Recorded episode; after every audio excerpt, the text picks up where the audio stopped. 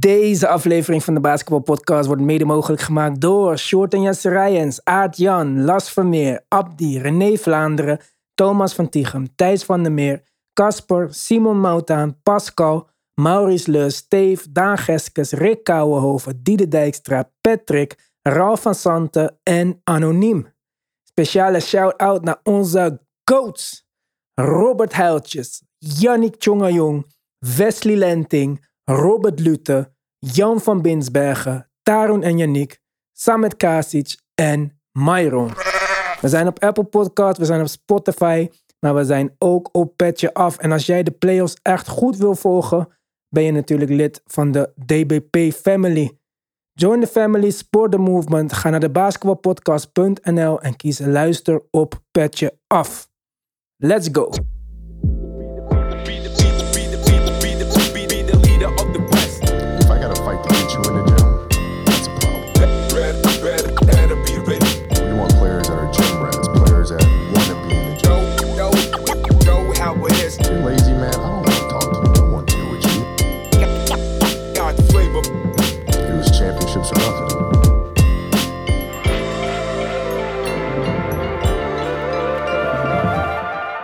In onze vorige uitzending hadden we het natuurlijk over de play-ins. Die waren al spectaculair.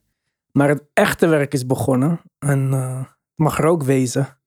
We hadden debutanten. We hadden spektakel. We hadden upsets. Iedereen was eh, him deze dagen. Ik weet niet wat de D-Dem daarvan vinden. Maar eh, vandaag bij mij in de building. Him Hartog. Yes. En onze speciale gast, nou eigenlijk niet gast, vriend van de show, Francisco Elson, de him. De him, de ring. Welkom Francisco. Dankjewel, dankjewel. Wat een introductie, joh. Ja, we moeten er wat van maken toch? De playoffs zijn begonnen, spektakel is hier. Nummer 1 basketbalpodcast van Nederland, nummer 1 basketballer van Nederland. Iedereen is aanwezig. Is dat zo?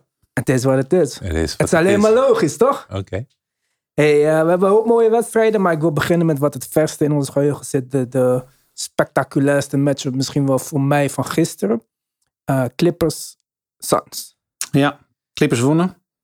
Dankzij met name een vintage Kawhi en eh, Russell Westbrook... die voor de tweede keer in zijn carrière een 3 op 19 avond van de vloer winnend afsloot. Hij Oh, deed het ook al een keer voor de Wizards. Maar, eh, nou ja, een redelijk spectaculaire wedstrijd. Niet per se volgens verwachting, alles behalve denk ik zelfs. Maar eh, ja, ik ben benieuwd wat jullie ervan vonden.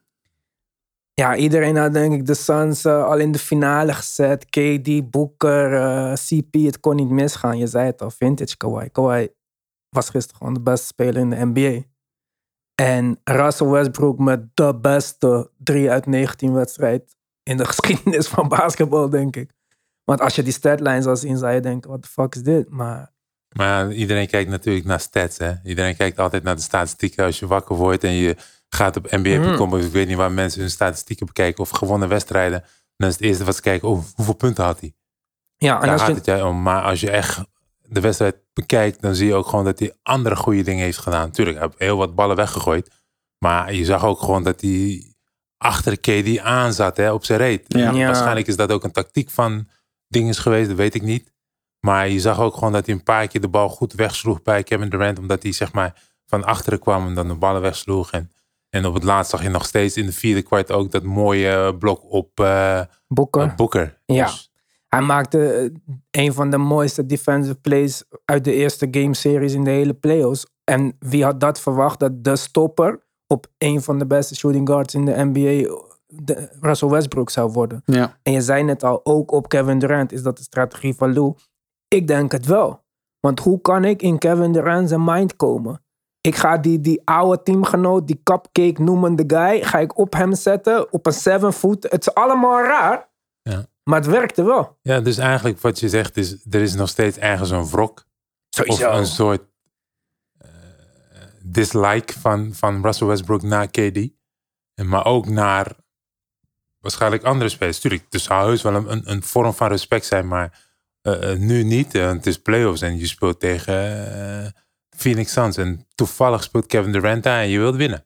Ja, Want hij heeft bewijsdrang, denk ik, eerder gezegd. Omdat hij eh, heeft gefaald om, om eh, nadat hij getrade is bij, naar andere ploeg, heeft hij gefaald om successen te behalen. Ja, en dat is ook een grote klap die hij te verwerken heeft gekregen voor zijn ego. Van MVP is hij in drie jaar gevallen naar buy-out kandidaat. Dit- is extreem, een extreem verval. En hij was bij de Lakers ook niet goed. Maar misschien was dat ook niet de juiste plek voor hem. Hij lijkt ook op deze plek een stuk eh, gelukkiger, sowieso. Ja, gewilder. Ik denk dat de afwezigheid van Paul George daarin ook meespeelt. Ik denk dat zij zijn, zijn spel en, eh, en activiteit, zeker in deze serie, echt nodig gaan hebben. Ik denk dat dit voor een deel anders, wat je vandaag, of eh, wat dus gisteren van hem zagen, door Paul George gedaan zou zijn. Maar als je, als je, als je goed kijkt, hè, je zegt net zelf een terugval van over de laatste drie jaar. Maar ik denk dat dat echt onder de vergrootglas is gelegd door heel veel mensen. Omdat elke wedstrijd werd hij, zeg maar, die hij speelde, werd direct een vergrootglas erop gelegd. Oh, kijk eens hoe slecht hij is. En dat, Mhm. ga, dat is als een sneeuweffect, zeg maar, gaan rollen. En dat vind Ja. ik wel jammer, want mensen kijken niet. eh, en, en nu wordt het alleen maar erger, hè. Dus hij kreeg de bijnaam Westbrick Ja. en hij reageert daarop. ja. En eh, tuurlijk, met dus met heel veel aspecten van het dagelijks leven wordt Russell Westbrook nu helemaal gelijk gemaakt met de grond als hij niet goed speelt. Ja, en dat is ook een beetje hoe de media doet natuurlijk. Ik denk dat... eh, kijk, ik ben ook niet aardig voor hem geweest in de afgelopen jaar. Sinds de podcast begon zei ik, dit is geen winning basketbal. En dat vind ik nog steeds op dat moment hoe hij dat speelde. Maar zo speelt hij eigenlijk altijd hele al. Maar Zijn dat heb ik leven. ook. Ja, maar daarom heb ik dat ook al gezegd vanaf het begin. En dat is in bepaalde mate uitgekomen. Kijk, waar ik het niet eerlijk vond, is dat in LA hij en Frank Vogel de enige waren die wat fout hebben gedaan. Terwijl dat hele team draaide voor geen meter. Het was LeBron op de jacht naar een record. Het was street clothes. Het was eh zeven G-League spelers. En het is Russell Westbrook en Frank Vogel. Street close is, weet iedereen dat? Ja, is eh, één arm. eh. dat is eh, Anthony Davis. Ja, ik, dat had is dat, echt- ik had dat gisteren getweet. Nou, dat was zo grappig. Ik zag dat voorbij komen. Ja. Dus, eh, maar, maar wat jij zegt, kijk. Gisteren tijdens de wedstrijd van Memphis Grizzlies tegen eh, Lakers. Lakers zag je highlights van LeBron James en AD. En dan zag je hoe goed die twee klikten, hè? maar dat was in de bubble. Hmm. En dat, dan zag je, hij was toen niet, volgens mij is hij overweight. Waardoor hij dus dat gewicht dat hij heeft niet kan dragen. Waardoor hij dus vaak... AD. Drie- AD. Ja, drie jaar geleden dus zeker. eh, eh, zie je gewoon duidelijk dat hij vaker geblesseerd raakt. Want toen hij in de babbel speelde, springen, slaan, klappen krijgen, die nam hij allemaal.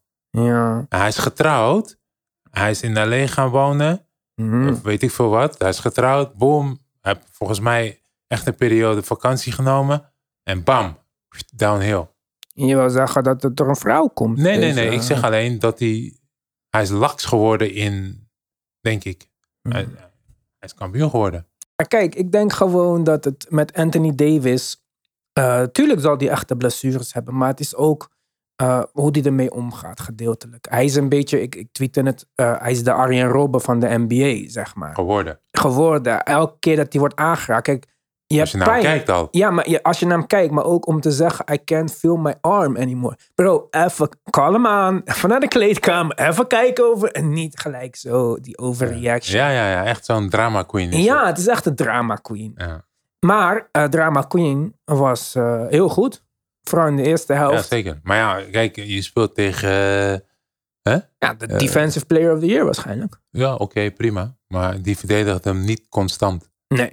Hè? En, en je speelt wel tegen Memphis Grizzlies die gehamerd is met de afwezigheid van de grote man van Ja, Nieuw-Zeeland. Of Steven ja, Adams Steven en Adams. Brandon Clark. en Brandon Clark. Dus dat zijn wel twee fysieke jongens die perfecte match zouden zijn voor Anthony Davis. Natuurlijk, qua, atletisch, eh, qua atletisch vermogen niet. Ja. Maar wel gewoon om een big body tegen hem op te kunnen, weet je.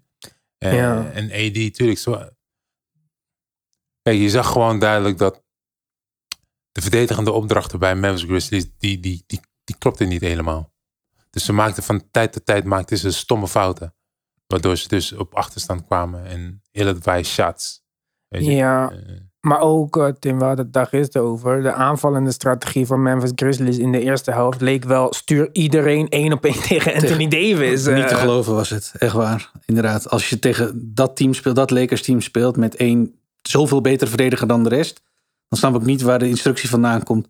Laten we één tegen één tegen Edi gaan spelen, zoveel mogelijk. En dat, Ja. dat was maar een van de signalen waarin, wat, wat waarschijnlijk al vaker gezegd is. De Grizzlies zijn gewoon niet het meest high IQ team, bepaald geen high IQ team in de NBA.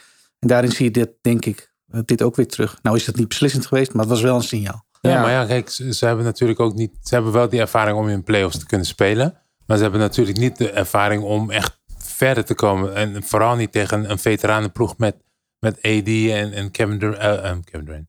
En LeBron James. Kijk, als je kijkt naar wat, jij, wat jullie nu aangaven, aangeven, is dat ze één één tegen één gaan spelen tegen AD. Tuurlijk, ik begrijp het.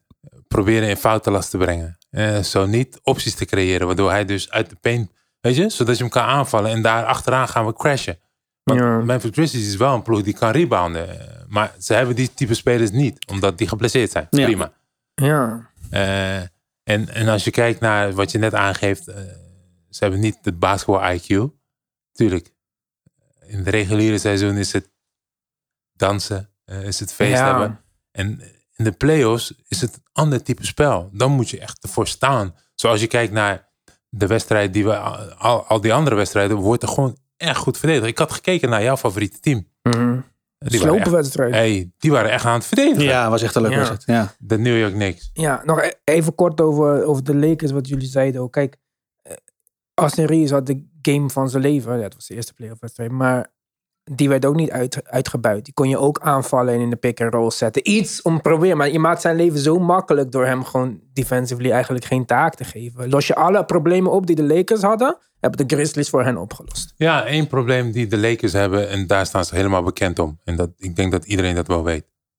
Want LeBron speelt, speelt jaren dat hij de finale speelt en playoffs speelt, speelt hij met spelers die allemaal één ding kunnen. Schieten. Schieten. Schieten. Ja, shooters. Ja. Heel goed schieten. En dat heeft hij dit jaar niet. Dus heel veel teams banken op, oh, ze kunnen niet schieten, dus we gaan ze aanvallen. Ja.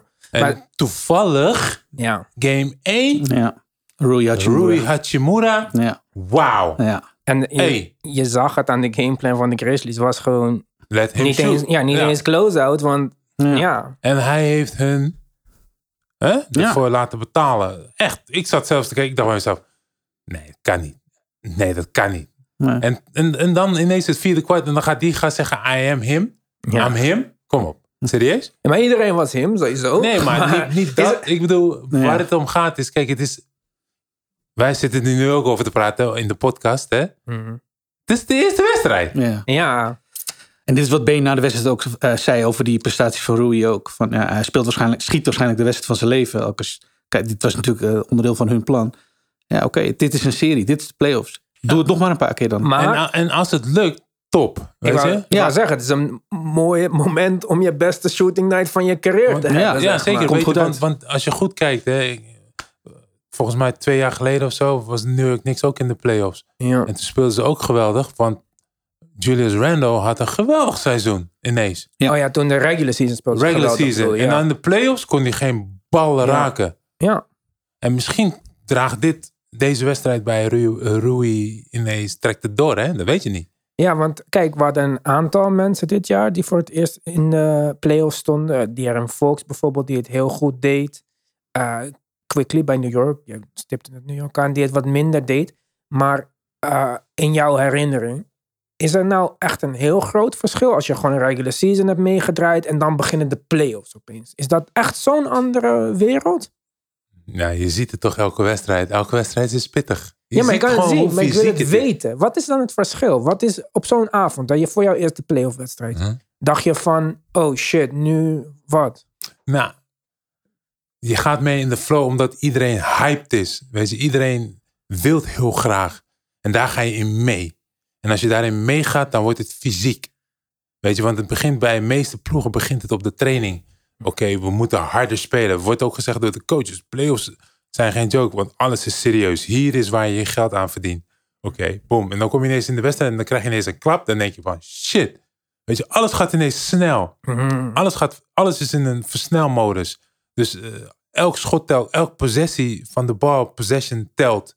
Elke, je moet gewoon echt gefocust zijn. Want als je dat niet bent, voor je het weet, sta je echt 10 punten achter. En elke ploeg kent jou. Hmm. Ze kennen je tendencies. Ze weten precies welke plays je gaat run, eh, spelen. En waarschijnlijk een paar keer getweet.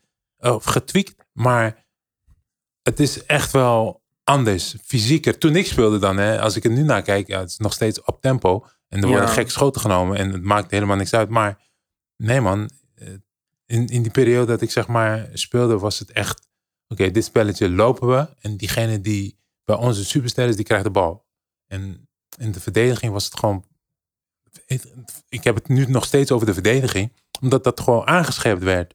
Weet je, want dat zie je ook bij sommige ploegen. En dat is nog steeds in de NBA. Je moet gewoon beter gaan verdedigen. Er mag ook meer, hè? Er mag gewoon veel meer. Dat zie je ook gewoon in de wedstrijden. Hmm. Ja. Dus het is, eh, ja, ik weet niet of dat jouw vraag beantwoordt, maar het is, het is gewoon veel anders Het is ja. anders. ja. En de reguliere, waarom is het anders? Nog een voorbeeld is omdat de, lijn, de, de, de, de, de aantal spelers die gebruikt worden in de playoffs worden ook eh, de- Tijder. De rotaties worden tijder, De, ja. de rotaties worden kleiner. En voor, nog één vraag over jou en dan gaan we weer naar de actualiteit. Je eerste playoffs was met Denver, neem ik aan. Mhm. Als je kijkt naar dat Denver-team, dat was ook een jong team. We hebben wel eens in de Francisco Uncensored over gehad. eh, pistolen in de club en dat soort dingen. Kan je dit een beetje vergelijken met de Memphis Grizzlies aanloop naar deze playoffs, denk je? Of was het toch anders, omdat er wat meer veterans op dat team waren? Hoe bedoel je precies? Nou, als je kijkt dat de Grizzlies de laatste tijd sowieso een beetje uit de hand zijn gelopen en zo. Nu komen ze in de playoffs, verliezen die eerste wedstrijd. En dat jonge, dat onbezonnen. Kijk, voor jou, jij hebt echt, denk ik, tegenovergestelde eh, ervaringen gehad met de Spurs en met de Nuggets in de aanloop naar de playoffs toe. Daarom vroeg ik me af of zo'n, dat die jonge geest en dat vrije en dat speelse een oorzaak kan zijn van deze slechte playoff start. Ik denk dat ze op zoek zijn naar een eh, identiteit. En bij de, bij de, toen ik bij de Nuggets speelde, eh, jong, onbevangen en niet weten wat een veteraan echt zou moeten betekenen in de kleedkamer. Mhm. We hadden wel veteranen, maar die konden die jonge supersterren of sterren. eh, Nou, Mello was wel een Melo was een superster. Maar die konden die sterren niet, zeg maar, de wil opleggen. Ja. We hadden Fashawn Leonard, eh, Marcus Camby, eh, Andre Miller. eh, Maar dat komt dan, dat, voor mij klinkt dat, zijn heel niet, erg dat als... zijn niet de veteranen waar mensen nou echt naar gingen luisteren. Het is geen Charles Oakley. Het is geen Charles Oakley Ja. bijvoorbeeld. Maar als je zo'n veteraan in de kleedkamer zou hebben, dan zou het misschien anders zijn, denk ik. Denk ik, hè. Dan maak je nog steeds domme fouten. Mhm. Maar- Maar Word je accountable gehouden. Ja, tuurlijk. En, en, en ik denk niet dat. Kijk, ik denk niet dat die spelers die die fouten maken begrijpen dat ze bevoorrecht zijn om in de NBA te spelen. Dat ze zoveel geld kunnen verdienen. Dat ze in het licht staan. Dat ze in de schijnwerper staan. Ik denk niet dat die spelers die, die deze domme fouten maken, dat ze dat begrijpen. Mhm. Ze denken, ik speel in de NBA en ik ga er voor een lange tijd blijven. Ze denken niet van, het kan ineens over zijn. Dus, ik ben nu een stem dat iedereen het zegt en ik ben op social media, ik ben hot. Dus ik kan dit doen. Mhm. Want ik heb het al een keer gedaan en er gebeurde niks. Dus ik kan het nog een keer doen. Mhm. En nu, En ik kom ermee weg. en, in er weg. geval. en nu is het ineens een distraction. Nu is het ineens een afleiding geworden.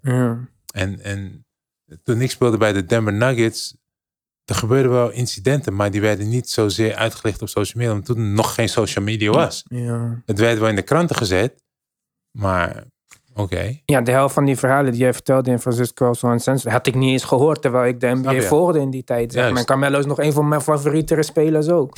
Snap je? Maar- dus daarom zeg ik, weet je, eh, tijden zijn veranderd en nu wordt het juist heftiger uitgelicht, omdat alles wat je doet of zegt, iedereen pakt direct de telefoon omdat ze denken dat ze grappig zijn.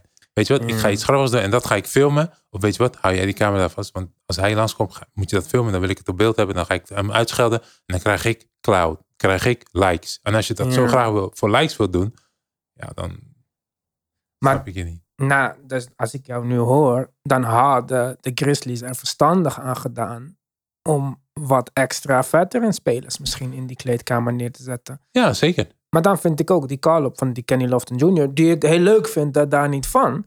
Maar een beetje questionable dan. Dan had ik misschien liever een veteran erbij gehad. Maar, maar welke veteran zou dat nou willen? Ze hadden toen gezegd dat Carmelo Anthony waarschijnlijk bij de Memphis Grizzlies zou. En toen had Dylan Brooks gezegd, we don't need a veteran like that. Ze hadden liever Ja. een Udonis Haslem, Haslem willen hebben.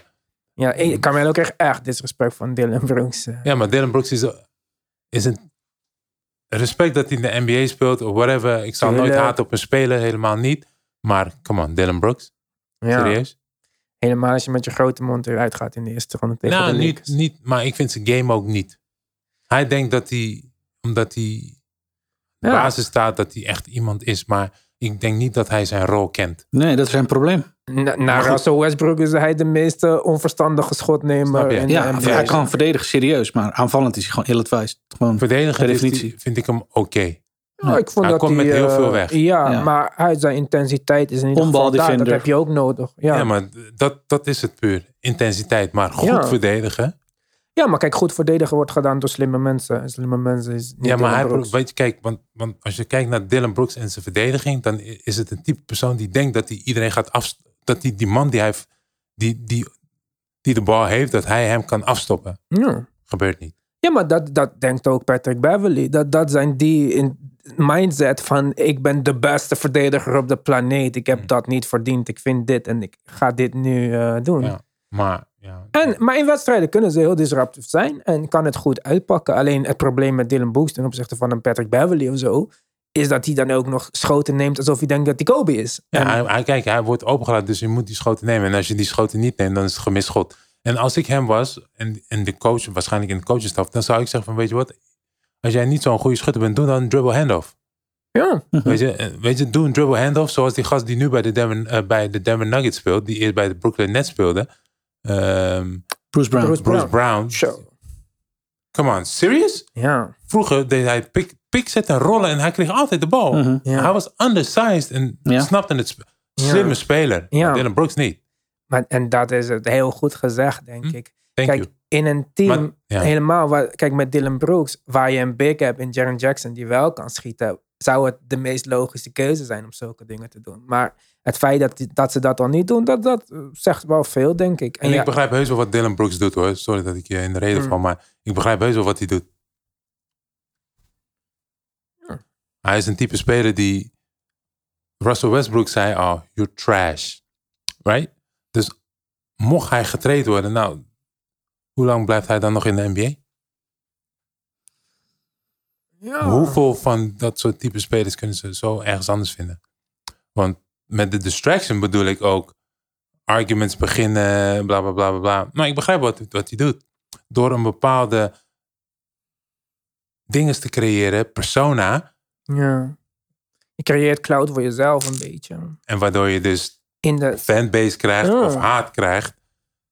En dan blijf je in de, kan je in de NBA blijven, omdat ja, maar zulke houdingen hebben veel talent voor spelers. De Marcus Cousins, een carrière in de NBA gekost. Maar ja, maar ik heb het dan over de Max Cousins, geen verdediger. Maar Ja, nee, maar ik dingen. bedoel maar alleen deze jongen idee- probeert Ja, met zijn intensiteit toch nog, hij werkt hard, moet ik eerlijk zeggen. Hè? Ja, maar, def- en defensively deed hij denk ik ook aardig. Het- wat het is, het is gewoon de perceptie die hij heeft van zichzelf, denk ik, die niet klopt. Ik denk dat elk team zou denken, oké, Dylan Brooks, jonge guy. En misschien met wat training wordt het schot oké. en defensive brengt hij in, de, ehm, intensiteit. Het probleem is alleen dat Dylan Brooks denkt dat hij de next Kobe is en de max contract verdient. Eh, Ja, dus dat. Dat is wel weer een voorbeeld bij de, bij de Grizzlies. En we hebben het met ja en wat er afgelopen tijd bij de Grizzlies heeft gebeurd al vaker gezien. Is dat ook, zij als organisatie ook kritiek kregen. Dat ze de jongens te veel hun gang laten gaan. Ze laten zich te veel denken dat ze het zijn, zeg maar. En, Him. Ja, precies. Sorry, hem. Ik moet Ja. hem zeggen. Eh, en dat was bij Ja zo. Maar dat is in feite met Dylan Brooks ook zo. Want er zou iemand moeten zijn, een coach, een assistant coach, iemand in die staf of een van zijn eh, medespelers die zegt: Alles leuk en aardig, vriend.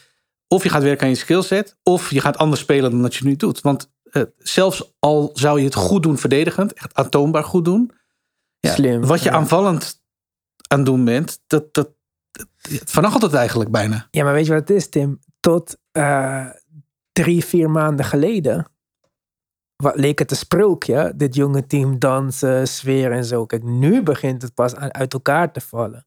En tegen de tijd dat we volgend jaar eh, na de eerste 20 games, dat ze weet ik veel, het team eh, wedstrijden van de tweede plek afstaan, ja, dan zullen de Maar consequenties het zou heus wel uit elkaar vallen natuurlijk, want contracten moeten besproken worden. Ja, Het been wordt- is het ik denk dat ze de boel wel bij elkaar houden, maar het gaat ze heel veel geld kosten. Het gaat ze ja, en waarom zou je...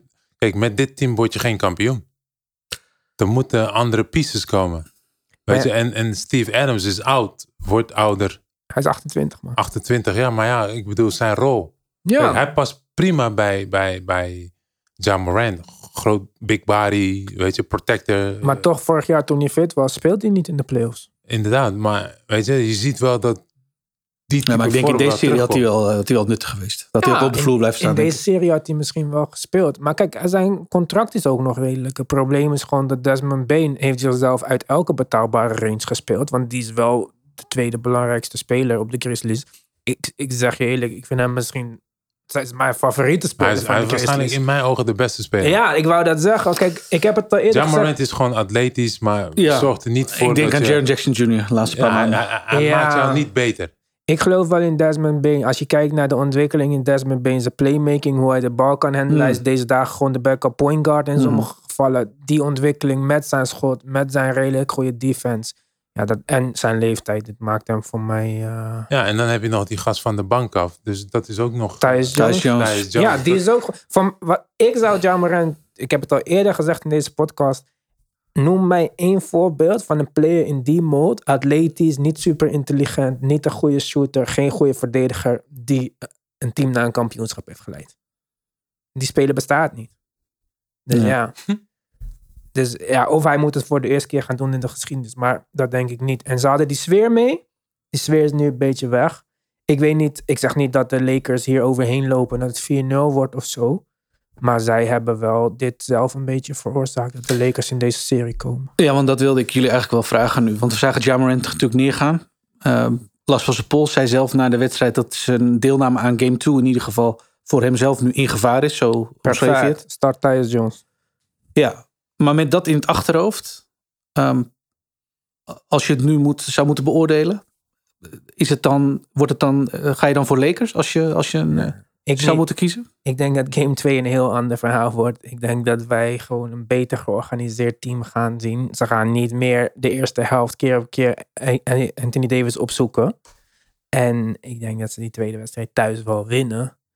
Ehm, ik denk zelfs dat het misschien hulpvol zal zijn als Jamoran niet speelt. Omdat ze dan meer als een team gaan spelen. En dan Inderdaad. wordt het... eh, dat, dat, maar dat is ook het record, hè? Met, met Thijs eh, Jones. Jones. Spelen ze... Toen Jamarant geblesseerd was, speelden ze beter. Ze spelen Ja. goed zonder Ja. ja. zijn eh, defensively beter. Volgens mij hadden ze toen vier wedstrijden. Toen die, volgens mij had hij 16 wedstrijden of 19 wedstrijden was hij eruit of ja, zo. volgens mij was het... Was maar vier verloren of zo. ja, zoiets. 18 van de 22 gewonnen. Ja, zoiets. of zo. En, en de tweede keer ook. Dus ik denk ook dat ze dan, eh, zoals je zegt, nu merk je ook gewoon dat, eh, ehm, dat andere spelers gewoon eh, hun best doen. Dat ze weten van, oké, wie is hierna de beste speler? Dat is dus Bane en ehm eh, Jaren Jackson Jr. Jaren Jackson Jr. Ja. Dat zijn op dat moment de beste spelers. En natuurlijk gaat Dylan Brooks nog meer proberen te doen. Ja. Ehm, maar ja, het is, nog, het is en blijft een gevaarlijke team. Omdat ze jong en heel veel energie hebben. Ja, dat denk ik ook. En dat is natuurlijk het omgekeerde van wat de Lakers zijn in principe. Maar het was een goede win voor de Lakers. En we hebben veel Laker-fans in onze groupchat en luisteraars. Dus eh, die waren allemaal heel erg blij. Ik had ze niet gefeliciteerd. Sommige mensen vonden het niet leuk bij deze. Gefeliciteerd met jullie ene overwinning. Nou, je zag ook bij, bij de Lakers, ik wil niet te lang doorgaan eh, over die twee ploegen, maar je zag bij de Lakers gewoon dat, dat ik, ik was er zelfs verbaasd over, hè, dat LeBron James helemaal aan de rechterkant van het veld bleef en dat eh, Austin Reeves, heet die Austin Reeves toch, Ja. Mhm. die de bal op de top met de pick and roll ging spelen, dat die, hij is daar heel crafty in, hè? Hij is echt heel handig met die bal daar. Hij schijnt hem op, in college ook eh, point guard Point guard gespeeld te hebben Ja, gespeeld. ja, ja, En ja. dat hoorde ik die gast ook zeggen. Ja. En, en, en dat Hachimura ook die twee ineens het hele, de laatste paar minuten in het vierde kwart gewoon overnamen. Ja, dat vond ik. Dat, dat ik dacht van oké, nou LeBron James. Oké, cool. Ja, ik verbaas me ook Ja, dat, dat- LeBron dat James niet eh, probeerde om de bal weer op te eisen in het, op het laatst. En in ieder geval de aandacht naar hem toe te trekken. Want dat heeft hij in het verleden wel eens gedaan. En dat ging dan meestal ten koste van het team. Hm. Maar ja, nu waren ze aan het koeken. Kunnen ze dat in een seven-game serie nog zes wedstrijden? Nou, dat kijk, dat, eh, dat- wil ik zien. en dat is mooi, want eigenlijk was LeBron James aan het uitrusten. Ja. Snap je? Hij is natuurlijk, hij is 38. En eh, je zag die aantal bloks die hij maakte, waren gruwelijk. Weet je, dat vond ik echt geweldig. Dat hij op die leeftijd nog zo hoog springt tegen die jonge gastjes. En die gewoon afmaakt. Weet je? Maar die andere jongens hoeven dit niet te doen. Hmm. LeBron James gaat dit wedstrijd 2 doen. Ja, denk je? Ja, dat is jouw voorspelling? dat is, dat is LeBron James. Dat denk ik. Oké. Want je weet zelf, LeBron James is de king of playoffs. Kom on. Ja, ik denk dat Ik hij, denk dat eh, LeBron James, volgens mij, ik, ik ken de statistieken niet, maar, Ik denk dat een king 6 uit 6 is. En maar hij heeft nog nooit volgens mij een slechte playoff wedstrijd gespeeld. Echt slecht, slecht. Slecht, slecht. Nou, eerste jaar. Ja, oké, maar ik heb het over de jaren dat hij echt... Eerste periode bij de Cavs heeft hij niet dat altijd even goed maar gespeeld. daarna Nee, kijk, hij, Le- niet. Hij heeft altijd wel boven de 25 gescoord. Easy. LeBron is een slimme speler. Kijk, hij is 38. Ik heb gereageerd op jouw tweet ook. Toen Karim 38 was, werd hij Finals MVP. MVP. Dus eh, wie weet eh, kunnen we die eh, kunnen we het volgende record van Karim zien sneuvelen dit jaar. Ik denk niet dat hij met al te veel plezier weer die bal overhandigt aan LeBron. Maar goed. Nee. Hey, je zei net Cavs niks. Dat vonden vele mensen ook een verrassing. Kijk, en ik zeg dit niet omdat ik New York volg. Mhm. Maar dat was voor mij geen verrassing. En dit wil ook niet zeggen dat de Cavs deze serie eh, 4-0 gaan verliezen. Of zelfs dat ze niks überhaupt gaan winnen. Maar we hebben het in de vorige wedstrijd gezien in de regular season. Toen kwam Jalen Brunson ook in Cleveland en sloopte gewoon. En het is Donovan Mitchell die soms opgaat in zijn supersterrol en vergeet dat er nog een heel team om hem heen loopt. En als hij dan niet 60 punten scoort of 50, ja, dan verliezen ze zo'n wedstrijd. Evan Mobley wordt genoemd als Defensive Player of the Year. En dat is allemaal leuk en aardig, tot er Bullyball Randall op je afkomt. En dan is het gewoon een volwassen man tegen een jonge jongen die net komt kijken. Ehm, ik denk dat dit eh, de Cavs overrompeld heeft. Ik weet niet of het in game 2 thuis weer tot hetzelfde resultaat zal leiden. Maar dit zijn de Knicks. En dit zijn de Knicks met een slechte RJ Barrett en een slechte Quickly, die de laatste tijd de hotste speler van de Knicks was. Dus eh, ja, dit, het is moeilijk om als defensive team, waar de Cavs onbekend staan, te plannen tegen een team die geen plan hebben. Want dat hebben de Knicks niet. Ze doen maar wat. En het is de ene keer deze, het is de andere keer die. En het pakt eh, in dit geval goed uit. Volgende keer kan je te maken hebben met Quickly die eh 7 3 punten raak schiet. En dat is even aanpassen voor de Cavs. Dus ze zullen, denk ik, naar mijn mening, meer als team moeten doen. Ik denk dat Donovan Mitchell te veel de stempel op deze serie wou drukken in game 1. Ja, dat denk ik ook. Ik denk dat deze twee teams enorm dicht bij elkaar liggen. Wat mij betreft hebben we twee series, deze playoffs tussen posities 4 en 5. Ook de logische verklaring. Ja, die ook, echt, die ook echt wel gewoon dicht bij elkaar liggen. En waarvan je mag verwachten en hopen eh, dat het lang gaat duren. Dat, dat wordt, was van deze serie ook voorspeld. En ja, ondanks dat de Cavs eh, denk ik tegenvielen en echt, echt een slechte matchup hebben aan, de- aan de Knicks. Dat is ook wel duidelijk geworden. Ja. Eh, zijn er zeker nog wel verbeterpunten. En wat mij betreft lag dat zwaartepunt wel echt bij het frontcourt van de Cavs. Jared Allen en Evan Mobley worden zo geroemd het hele seizoen al. En doen het ook goed. Op hun eigen manier. Evan Mobley doet dit seizoen aanvallend echt, echt beter dan hij deed. Ehm, en die lijn heeft hij eh, nog niet kunnen doortrekken. En eh, ik denk dat Randall daar voor een groot deel de oorzaak van was. Maar dat zal wel, wat mij betreft, een punt van aandacht zijn voor de rest van de series van de Cavs. Als dit zo blijft, als ze zo overrompeld, domine- bijna dominated worden door, door het frontcourt van, eh, van de Knicks, frontcourt rotatie van de Knicks, ja, dan, dan gaan ze deze serie überhaupt niet winnen. Nee? Nee. Jij denkt dat een one game... eh, Nou ja, kijk. ehm en New York Knicks heb, hebben natuurlijk Jalen Brunson. Ja. Hè? Die En vorig jaar Donovan Mitchell ook heeft gesloopt in de playoffs. Hè? vorig jaar Donovan Mitchell heeft een koekje van, een koekje van Mhm. eigen deeg heeft Ja. laten... Maar Mitchell was toen al met een half been uit Utah. Ja, inderdaad. En, en ik denk dat heel veel mensen, on- waaronder ik, ik zelf ook hoor, eh, Jalen Brunson hebben onderschat Ja. hoe goed hij eigenlijk werkelijk is. En, maar niet alleen hoe goed hij is, maar waarschijnlijk ook een hele goede leider. Weet je, hoe die overkomt, heel kalm, nooit in de stress. Je kan niet aan hem zien of hij nou een goede wedstrijd speelt of een slechte wedstrijd. Want die emoties toont hij niet. Oké. Niemand, ik, eh, hij is de grootste misschien Brunson eh, advocaat die er was in de afgelopen twee jaar. Maar ik denk dat jij zelfs niet had verwacht wat dit nu is. Nee, zeker niet. Want je- in een interview met, met Luca Doncic eh, werd er gevraagd van wie mis je, hoe, hoe mis je Brunson. Brunson? Hij zei, yeah, very much. Ja, natuurlijk. Want waarschijnlijk niet alleen in de kleedkamer was hij goed, maar ook gewoon, weet je, bij Ja. afwezigheid. En hij was gewoon een partner voor hem. Hij is Oké. slim ook gewoon. Een slimme speler. Oké, nou nu heb je eh, de man van het team. Eh, dat is natuurlijk Julius Randle. Hmm. Eh, dat is gewoon de man van de New York Knicks. Als hij niet goed speelt, gaan ze, winnen ze gewoon niet. In mijn ogen. En dan, en dan hebben ze een geweldige speler erbij gehaald. Josh Ha- Hart. Ja. Ja. Snap je? Want hij is de glue volgens mij. Want als je kijkt naar zijn statistieken, wat hij heeft gedaan. Ja, dat was. Niemand had. Ik, ik zelf niet had dat verwacht vanaf de bank. Hè. 8 uit 11. 1 op 2 van de driepuntlijn. 10 rebounds. 5 offensive. Dus dat zijn al twee spelers die 5 offensive rebounds hadden. Mitchell en, en Josh Hart. En dat, ja, dat is Hij- natuurlijk nog steeds de nummer 3 volgens mij. In de ranking van best verdedigende teams in de NBA. New York. niks. Ja, ze komen En ook hoog. in de rebounds zijn ze gruwelijk. Off- offensive rebound zijn ze derde. zijn ze derde. Mhm. Weet je, dus, en als je dan kijkt naar de laatste possessie, waar dus eigenlijk de wedstrijd beslist wordt tegen de Cleveland Cavaliers, is de rebounding. Dat Evan Mobley niet goed uitblokt Mhm. in de playoffs. Jij vroeg net, Ja. is het nou zoveel anders?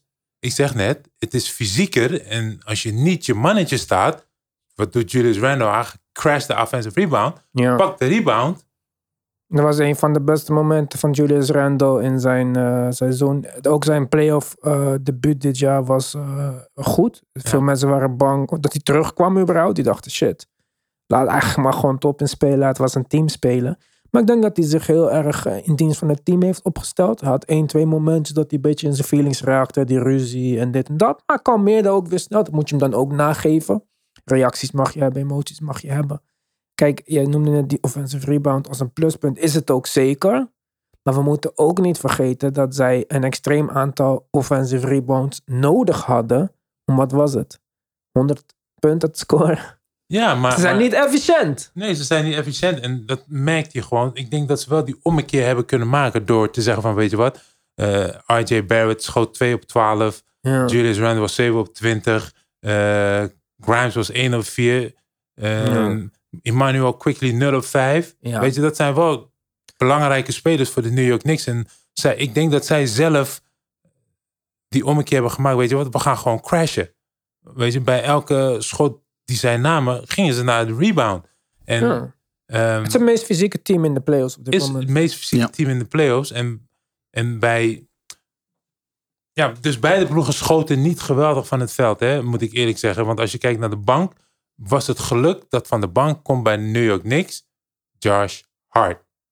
Ja, maar niet alleen van de bank komt Josh Hart. Obi had ook eh, drie punten, volgens mij positief 50%, boven 50%, zoiets. Ja, misschien was drie punten, één op twee. Eén 1 op 2. Oké, nou, het is 50%, maar stel niet zoveel voor. Maar Dus- in ieder geval, hij hij- had een 3. Ja, maar ja, kijk, de, de grootste aantal qua punten was echt Obi Toppingen. Oké, hij had een 9. En dan de grootste was natuurlijk Josh Hart, wat ik aangaf, 17 punten. Ja. Maar Heel iedereen had, belangrijke drie punten. ja, Ja. iedereen had een aandeel in offensive rebound. Eh, weet je, ze hadden de 11 en New York Knicks had de 17. ja, kijk. Dus, en, dan, en dan als je kijkt naar het vierde kwart, weet je, dan zet je, dus ik zat te kijken, dan, dan denk ik, oké, wie gaat nu, opstaan. nee, wie gaat nu, ehm, wie gaat nu Jalen Brunson stoppen? Ah, En ik zag Sadie Osman, dacht Ja. ik. Ja. Niet dat ik wist of Sadie Osman nou een geweldige verdediger is, of qua lengte, dat hij maar hij deed Maar het niet super slecht. Hij, ja, natuurlijk. Ik bedoel, ik kan ook voor je blijven en dan mijn hand in je gezicht doen. Maar hand in het gezicht geeft mij alleen maar een target dat ik weet waar de basket is. En hij scoorde drie keer op rij. Ja, maar kijk, dit heb ik ook gezegd toen er nog sprake van was dat Donovan Mitchell misschien naar New York zou komen. Ik zei, doe het alsjeblieft niet. Maar met twee kleine point guards heb je gataka's backcourt. En kijk wat de Cavs nu hebben. Twee kleine point guards in de, de backcourt. En zelfs dit fantastische frontcourt kan het verdedigend niet oplossen. Als je zo'n kleine shifty point guard van de tegenstander hebt. Die elke spot kan bereiken in de eh, midden, in de midrange. En eh, ik vond nog dat Zeddy het goed deed. Ik dacht, oké, knap. Hij kan in ieder geval voor hem blijven. Hij heeft die lengte, dus misschien kan hij zijn schot in de war brengen. Jalen Brunson was gewoon extra goed. En dat is ook... eh, Ja, hij was goed in de tweede helft. Ja, in de eerste helft had hij drie fouten, dus dan moest hij naar de bank. Ja, maar zo gaat het meest. Randall doet de eerste helft en Brunson is de closer. En niks is zo'n raar team. Hè. Dit, eh, dit wordt een hele interessante serie. En Brunson hoeft, eh, je hoeft niet voorbij je te komen om goed te zijn. Nee, hij zeker is zo niet. crafty dat hij, Ja. hij kan En hij, kan, hij speelt ook vanaf, vanaf de, Hij kan, hij kan ook vanaf de, vanaf de post spelen. Hè. Ja, dat is het beste voetwerk eh, van alle hij is- kleine hij is niet-. 6-2 voor. Hij is niet alleen maar 6-2, maar hij is ook gewoon stevig. Ja. Weet je, en als hij tegen die kleine guard moet spelen van eh, Cleveland. Ja, Garland. Die Ja. heeft niet het gewicht om deze man af te stoppen. Terwijl Garland gewoon 43 minuten heeft gespeeld. Hè. Niet dat hij een slechte wedstrijd heeft gespeeld. Want Ja. hij schoot Nou, gewoon. Hij, ja. schoot, Ik had wel meer van Garland verwacht. ja, maar hij schoot nog steeds goed. 53% van het veld, 50% van drie. Klopt. Ja, twee vrije worpen gemist. Maar zijn dit uh, Garland's eerste playoffs? Wat ze vorig jaar? Eh hebben de Cavs vorig jaar playoffs gespeeld? Nee, nee, dat zullen ze jawel, spelen. jawel. Weet je zeker? Ja, toch? Play-in vorig jaar, denk ik, of niet? Misschien heb ik het fout, maar in ieder geval, Garland is niet gewend aan eh, play-off succes of zo. Ik vond dat hij redelijk speelde, alleen we hadden misschien meer gehoopt dat hij een soort van die tweede man Ja, maar dat werd overshadowed omdat, omdat, omdat Donovan Mitchell 30 schoten nam. En iedereen zegt Donovan Mitchell played such a great game. Zijn vond- eerste ja, playoffs. Ja, toch? 30, wedstrijd- 30 schoten, 38 punten. Ja, hallo. Ja, maar dat is het met Donovan Mitchell. Hij kan fantastische dingen doen. Hij heeft dit jaar 70 punten gescoord. Dat is iets wat niet heel veel mensen kunnen zeggen. Dus ik ga het ook niet afkraken of zo. Maar voor mij zijn de echte sterren de mensen die niet alleen zelf goed kunnen spelen, maar ook het team om hun heen beter kunnen maken. En voor mij zijn ook, als je gewoon, ik bekijk het gewoon heel simpel. Van, noem mij die speler die alleen voor zichzelf speelde, die niemand om hem heen beter maakte, maar die kampioen is geworden. Want ik kan ze niet zo 1, 2, 3 allemaal opnoemen. Van Michael Jordan tot aan Kobe. Voor, voordat er Phil Jacksons waren en triangles en teamplays en eh, vertrouwen van je teamgenoten, hadden ze geen playoff succes. Mm. En dit is hoe Donovan Mitchell nog steeds speelt. 6 op 16 van 3. Ja. Ja. Maar ik denk ook niet dat, als je kijkt naar het, het, het roster, de, de, de team van de Cleveland Cavaliers, hebben ze eigenlijk niet echt een bank. nee. Klopt. Komt te weinig van de bank. Er komt te weinig van. Caris de bank. LeVert zou die productie met name voor zich moeten nemen. Maar ja. Ja, Levert, Rubio, Shady, dat is het een beetje. Ja, maar dan is LeVert de, affen- meest offensive, De meest- ja, meest- offensively gifted speler Juist. van, van, dat, van dat spul. Ja, Maar komt tegen, tegen een Knicks-team ook slecht uit de verf. want je gaat me niet zeggen dat eh Sadie Osman 30 punten op je gaat scoren. Of Ricky Rubio of Dean Wade. Nee. De enige die wat punten kan maken is eh Levert. En bij de New York Knicks heb je wel wat meerdere spelers. Weet je, die, Ja, niks hebben een hele goede bank met Josh Ze hebben een redelijk goede bank, ja. En, en Isaac Hartenstein, die komt ook van de bank af, doet gewoon wat hij moet doen. Is gewoon solid. Hartenstein is heel goed. En ook in die laatste wedstrijd in de regular season heeft hij laten zien dat hij extra playmaking kan brengen. De Knicks hebben veel opties als ze in, ehm, in de clinch komen. Het enige wat, wat ik zou willen zien deze serie en waar het voor mij een beetje over op zou hangen of de Knicks eh, nog kans maken of dat ze een goede kans maken, is of Tips goed om kan gaan met de aanpassingen. Want ik zie JB Bickerstaff wel aanpassingen voor de tweede wedstrijd maken. Maar Tips is legendarisch in gewoon niet aanpassen en zijn starters 45 minuten spelen en hopen dat het goed komt. Ja. Dus daar kan het wat mij betreft is daar ook eh, kampioen mee geworden. Dus. Ja, maar Boedenholzer had wel Jannes en Drew en Middleton. Dus dat is wel iets anders dan... Nee, als in van eh, de, eigenwijs zijn. Ja, Het zag er ook niet elk moment goed uit. Bleef eigenwijs. En nou ja, omdat eh ja maar kijk, dat, dan, Nets net aan goed ging, werd ze uiteindelijk ja, maar dan had je wel een Jannes. En eh, ik denk dat toch de insteek van een Jannes anders is dan een Randall. Ja, dat lijkt En daarbij. Randall, kijk, Francisco zei, Randall is de belangrijkste speler van Knicks, de beste speler op papier van de Knicks. Dus hij zal het ook moeten laten zien. We zagen een mini mini meltdown deze wedstrijd, maar ik heb echt de meltdowns van eh, Randall gezien dit hele jaar. Dus eh, kijk, hij is goed begonnen. Dat, dat laat iets positiefs zien. Beter dan dat het twee jaar geleden was in de playoffs. Dus ik hoop ook dat het zo blijft. Maar Ja, je zag ook gewoon dat er een momentje was, toch? Dat, dat, eh, die duwde met... eh, ja. ja, ja, maar kijk, dat zijn ook momenten dat hij helemaal kon doordraaien. dus Ja. Ja, dan- dan dus- kan niet echt verliezen. Ja. Dus, Ja. ja. weet je, en, en, en het in de hoofd komen van spelers, dat, dat is wat Dylan Brooks heel goed doet. ja. En je zag ook gewoon dat, Le- eh, eh, dat, dat LeBron James, volgens mij was die moe of zo. Je zag hem echt hijgen bijvoorbeeld. Ja, tuurlijk, hij is 28, die jongens vliegen over het veld. En dat probeerden ze dus ook bij, bij Julius Randle te doen. Alleen met Julius Randle deed gelijk zijn hand omhoog. Toen kwam Spike Lee in beeld, deed die peace sign. En Julius Randle just went up about his own way. En Ja. Ik vond dat wel stoer. Dacht ik, oké, nu gaat hij gas flippen. Luister, ik heb heel veel kritiek op Julius Randle gehad, maar hij heeft deze wedstrijd goed gespeeld. Ja. En ook voor de eerste wedstrijd na een blessure. Ik vond het een, ook een positief iets dat ehm Thibodeau hem er in, de eerste, in het eerste kwart op tijd uithaalde. Voordat hij of in foutenlast kwam of al gelijk buiten adem raakte. En laat maar Toppin ook die minuten spelen in het eerste gedeelte van de wedstrijd. Want je weet toch dat bij de Knicks gaan de- starters, of in ieder geval de closing line-up, de laatste 14 minuten niet van het veld. Dus geef die jongens rust wanneer het kan. Ja. hey, eh, wij gaan denk ik op Petje Af even verder praten. Want we hadden natuurlijk deze zaterdagavond, hadden we dus die Knicks tegen de Cavs. Dat was voor mij echt 90s Oostercompetitie basketbal. En de wedstrijd daarna was echt die 90s West Coast basketbal. Up en down en eh, weet ik veel allemaal wat. Dus wij gaan verder met Petje Af. www.basketbalpodcast.nl En dan kies je voor luisteren op Petje Af.